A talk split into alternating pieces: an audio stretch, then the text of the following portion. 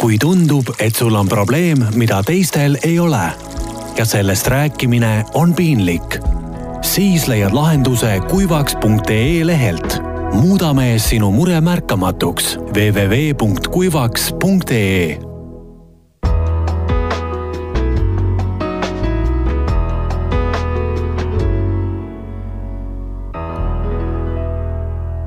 tervist teile, head kuulajad! Te kuulate taskuhäälingu saadet Tervist. minu nimi on Aive Mõttus, olen Maalehe ajakirjanik ja tervisetoimetaja.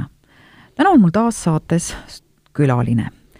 tere tulemast mittetulundusühingu Inko Tuba tegevjuht Eha Toopolev. tere!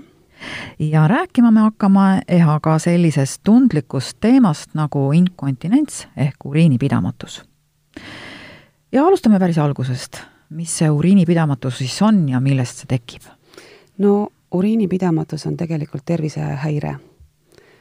ja see on see, kui inimene ei saa enam oma põit kontrollida ja tegelikult ei ole vahet, kas inimesel erituvad vales ajas, vale, valel ajal ja vales kohas kas üksikud tilgad või siis on see pidamatuse raskusaste nii suur, et võib näiteks terve põietäis korraga erituda.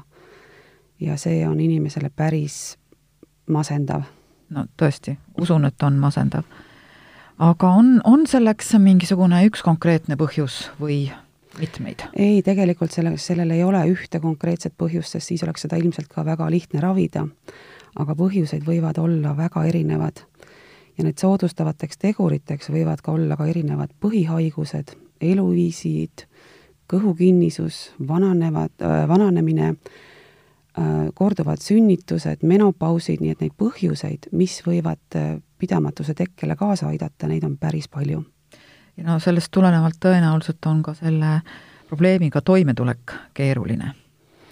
jah, seda küll, toimetulek on keeruline ja kõige keerukam selle toimetuleku juures on ilmselt see, et inimene peab iseendale tunnistama, et tal on see pid-, pidamatuse probleem, ta peab saama üle sellest valehäbist, sest et pidamatus on tabuteema, sellest väga ei taheta rääkida, aga kui sa mõtled, et see probleem ei ole veel piisavalt äh, suur sinu jaoks, siis tegelikult sa ei otsi ka abi ja, ja siis sa ka ei saa abi.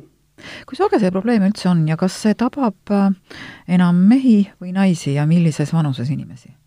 no tegelikult seda probleemi esineb nii noortel kui vanadel, nii meestel kui naistel.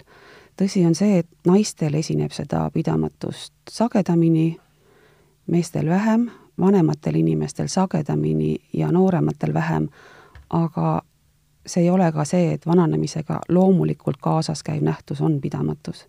et seda kindlasti mitte. et seda ei tohi niiviisi võtta? ei, kindlasti mitte uriinipidamatusel on erinevaid tüüpe, räägite äkki lähemalt, millised need on? Jaa, kui ma ütlesin, et tegelikult neid põhjuseid, mis seda pidamatust teki-, tekitab, on palju, siis äh, vastavalt sellele on ka lahti mm, seletatud siis need erinevad tüübid, selleks, et, et saada siis aru, paremini aru, millest see pidamatus äh, võib olla tekkinud. et kõigepealt äh, jagaks selle pidamatuse kahte suurde gruppi, üks on siis mööduv ehk pöörduv, pöörduv pidamatus, tavaliselt me võime abi saada siis kas äh, näiteks vaagnapõhjalihaste harjutuste tegemisest või mingist konkreetsest ravist, noh, võin siia tuua näiteks põiepõletikku, et see üldjuhul on ikkagi üks niisugune põletikuline protsess, selle saab ravi ja sellest saab jagu.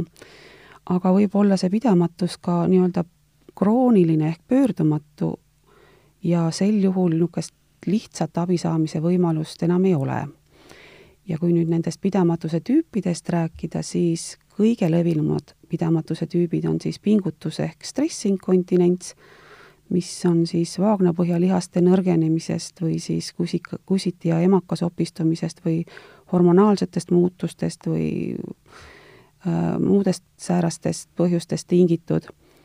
ja teine äh, levinud on sundinkontinents ja tegelikult millega nüüd arstid kõige rohkem nagu rinda pistavad, on see, kui need kaks pidamatustüüpi esinevad inimesel korraga. ahhaa, et selline olukord võib ka olla? jaa, selline ka, et siis tegelikult hakatakse hoopis, no kõigepealt peab siis selgitama välja, milline on see nii-öelda see peamine pidamatuse tüüp, mis, mis nüüd mõjutab seda pidamatust ja siis hakkame selle, seda esmaselt ravima nii et see on keerukas teema, ei ole ühte ainukest tabletti, mis seda aitab, et siin on väga erinevad äh, ravivõimalused. aga on ka äh, tõenäoliselt rida haigusi, millega uriinipidamatus võib kaasneda, millised need haigused on?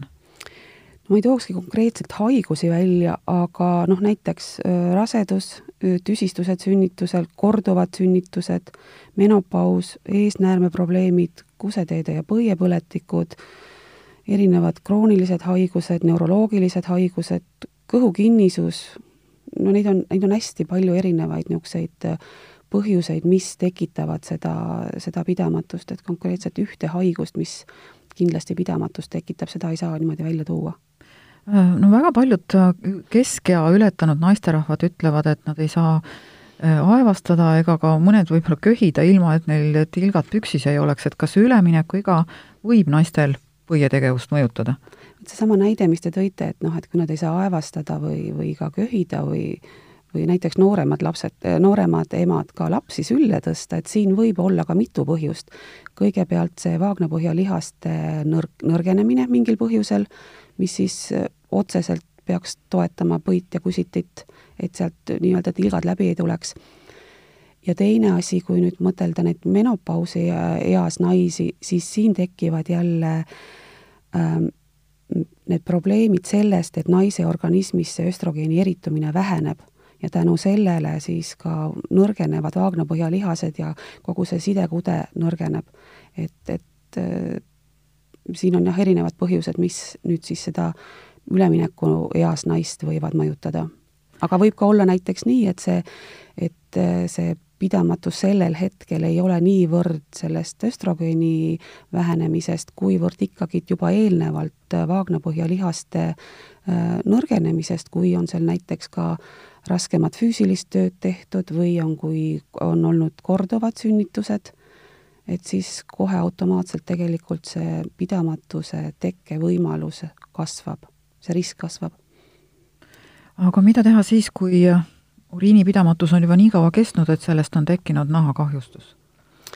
no see nahakahjustus jah, see võib tekkida erinevatel põhjustel jällegi, et et kui see uriinipidamatus äh, naisterahval on näiteks, äh, on kerge pidamatus, ainult üksikud tilgad erituvad ja ta näiteks kasutab tavalist hügieenisidet selleks siis see naha, nahakahjustuse teke võib tekkida ka sellest, et tegelikult see side, mida ta nüüd siis kasutab pidamatuse korral, ei ima piisavalt ja jätab naha niiskeks ja see uriin iseenesest on niisugune happeline aine, mis, mis kahjustab nahka, nii et, et see ähm, niiskus, see soojus ja need bakterid seal on need, mis siis seda nahakahjustust võivad tekitada. nii et esmaselt kõigepealt, kui nüüd see nahakahjust, kui on pidamatus ja kui hakkab see nahakahjustus tekkima, siis kindlasti vaadata üle, milliseid abivahendeid, milliseid sidemeid need inimesed kasutavad või kas nad üldse sidemeid kasutavad.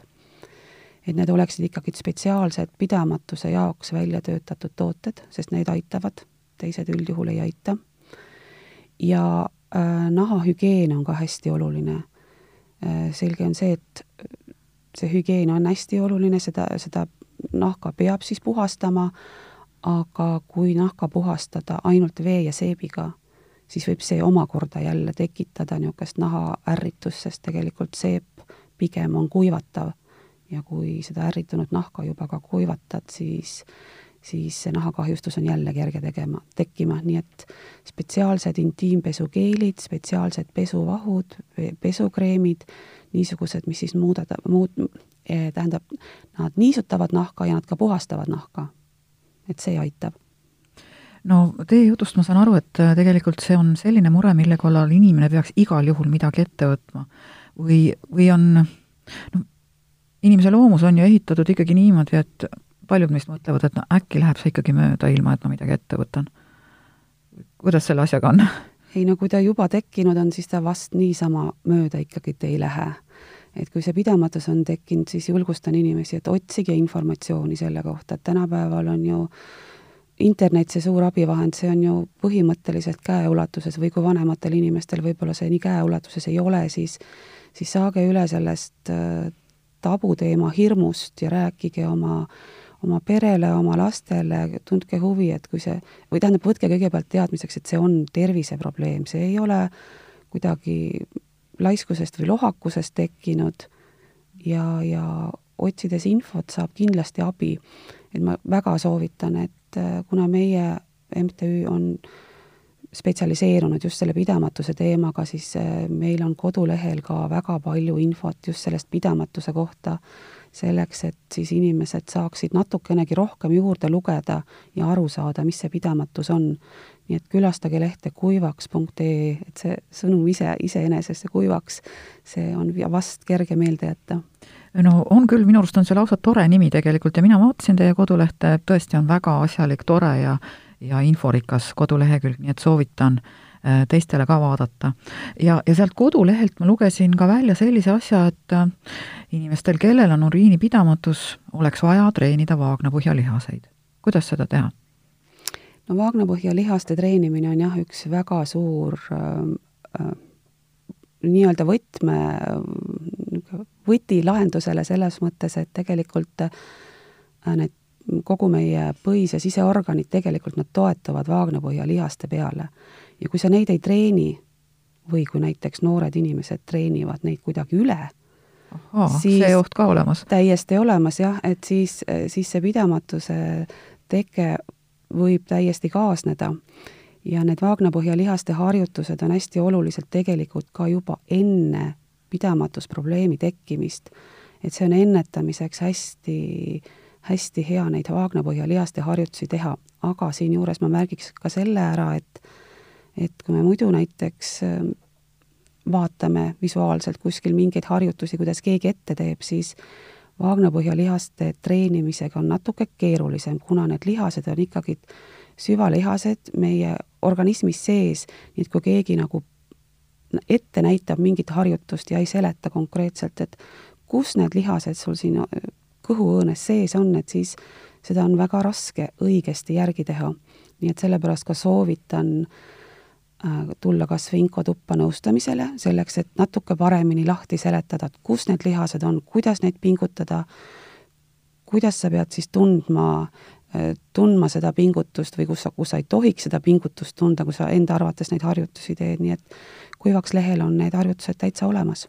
aga jällegi, nõustamine sinna juurde ja, ja nõustamine kas siis inkotubades või siis ka oma füsioterapeudi juures, et see on oluline.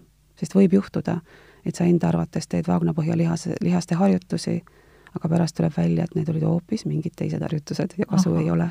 no siin on vist üks äh, nipp veel, mille ma lugesin teie kodulehelt, et neid äh, harjutusi tuleks teha alati tühja põiega ja kui sul juba pidamatus on, et, et siis ei ole mõtet hakata neid harjutusi tegema ja neid vaagnapõhjalihaste, lihaseid äh, pingutama siis, kui sul on põis täis.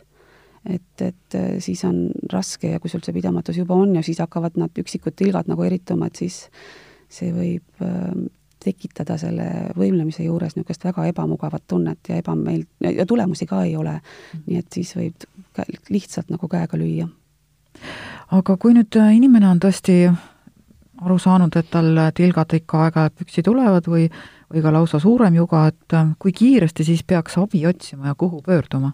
no tegelikult peaks abi otsima mm, nii kiiresti, kui sa tõesti juba enda mõistuses nagu mõtled, et, et midagi on valesti. et ma ei saa teha mingisuguseid asju, ma ei saa käia väljas, ma ei saa, ma ei tea, reisile minna, et, et see pidamatus on nagu takistuseks et siis kindlasti peaks pöörduma arsti poole ja oma rah-, oma probleemi lahti rääkima. või teine asi, ka tulla nõusta-, nõustama inkotuppa, sest et tegelikult meil käib päris palju niisuguseid inimesi, kellel meie arvates on, see meie suur pluss on see, et me saame julgustada neid selle teemaga tegelema.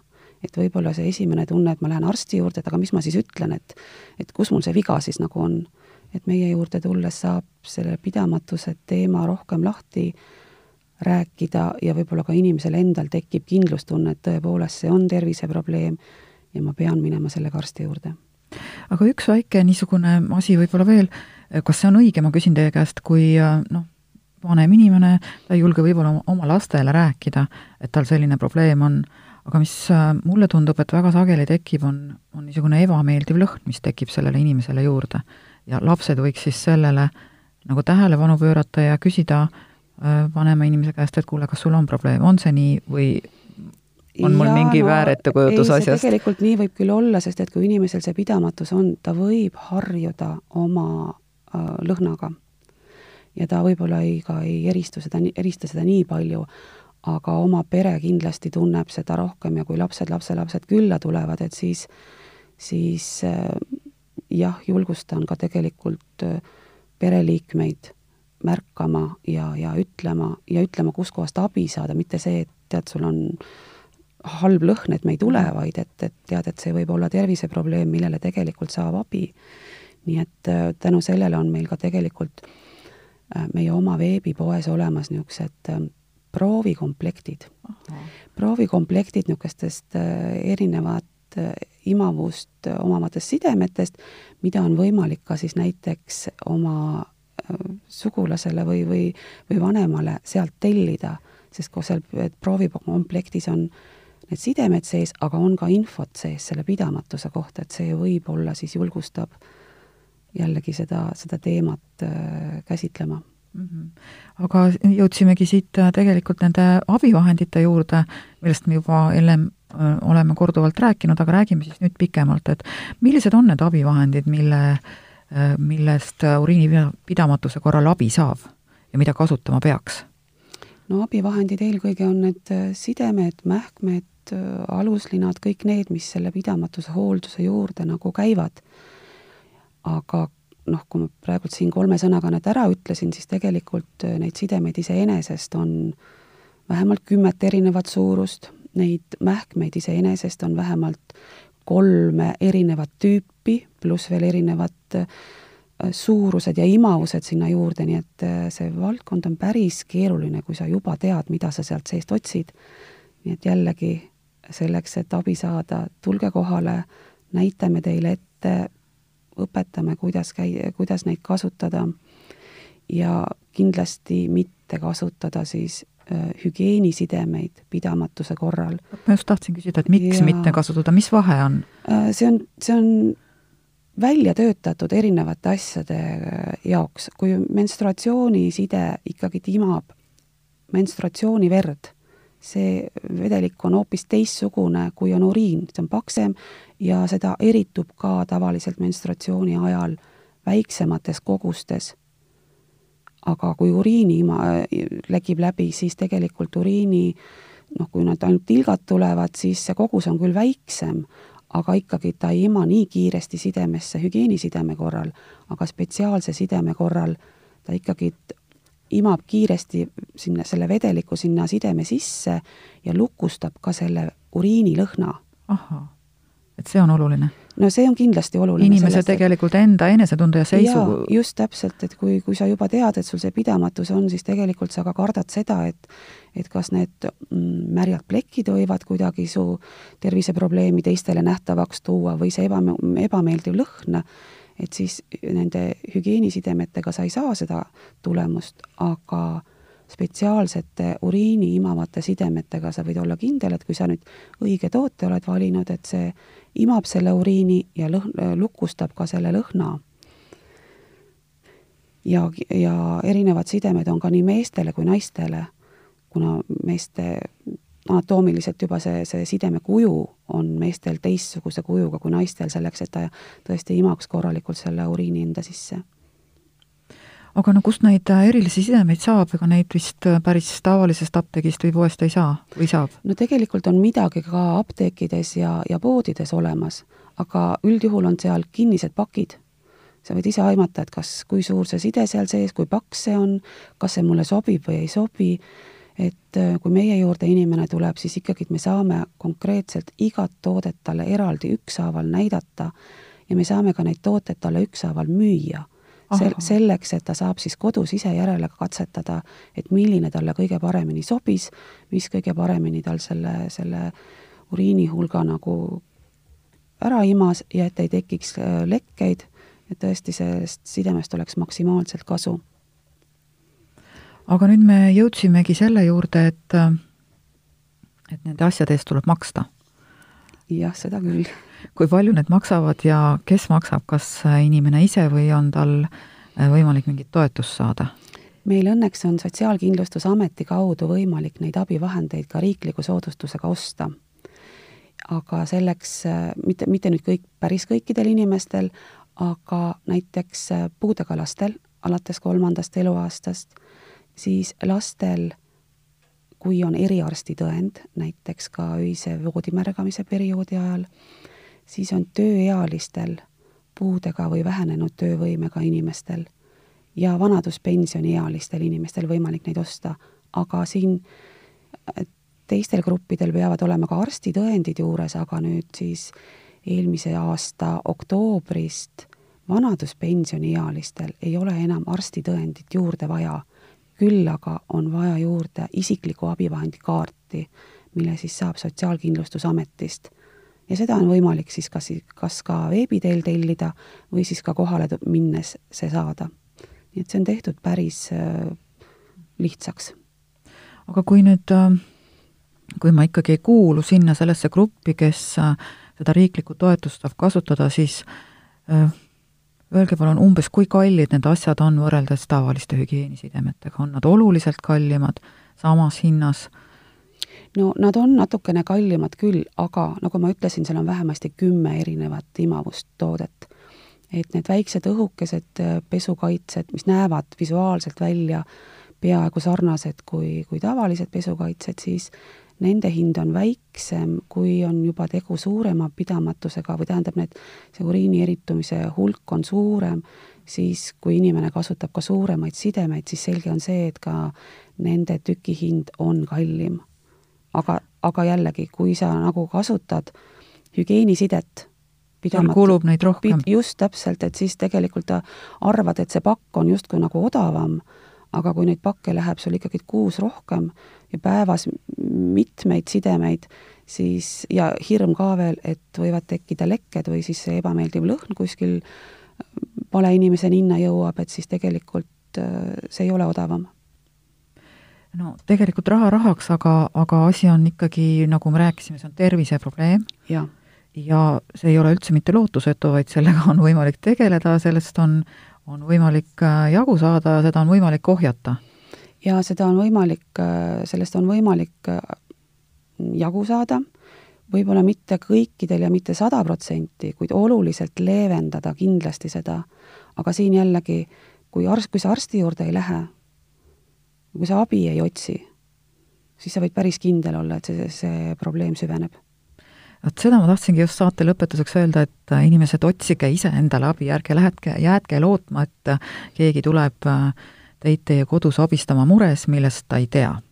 seda küll, nii et unustage see tabuteema jutt ära ja, ja mõtelge kui terviseprobleemile jah, uriinipidamatus ei ole tabu ja, ja tegelege sellega, nii et tänan, et te tulite stuudiosse, mittetulundusühing Koduva tegevjuht Eha Toopolev.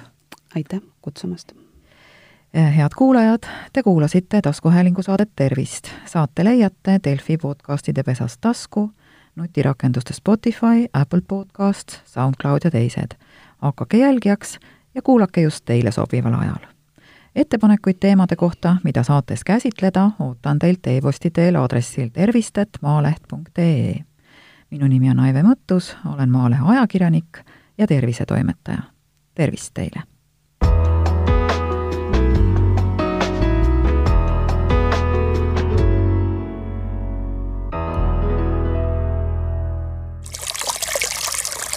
Kui tundub, et sul on probleem, mida teistel ei ole ja sellest rääkimine on piinlik, siis leiad lahenduse kuivaks.ee lehelt. muudame sinu mure märkamatuks www.kuivaks.ee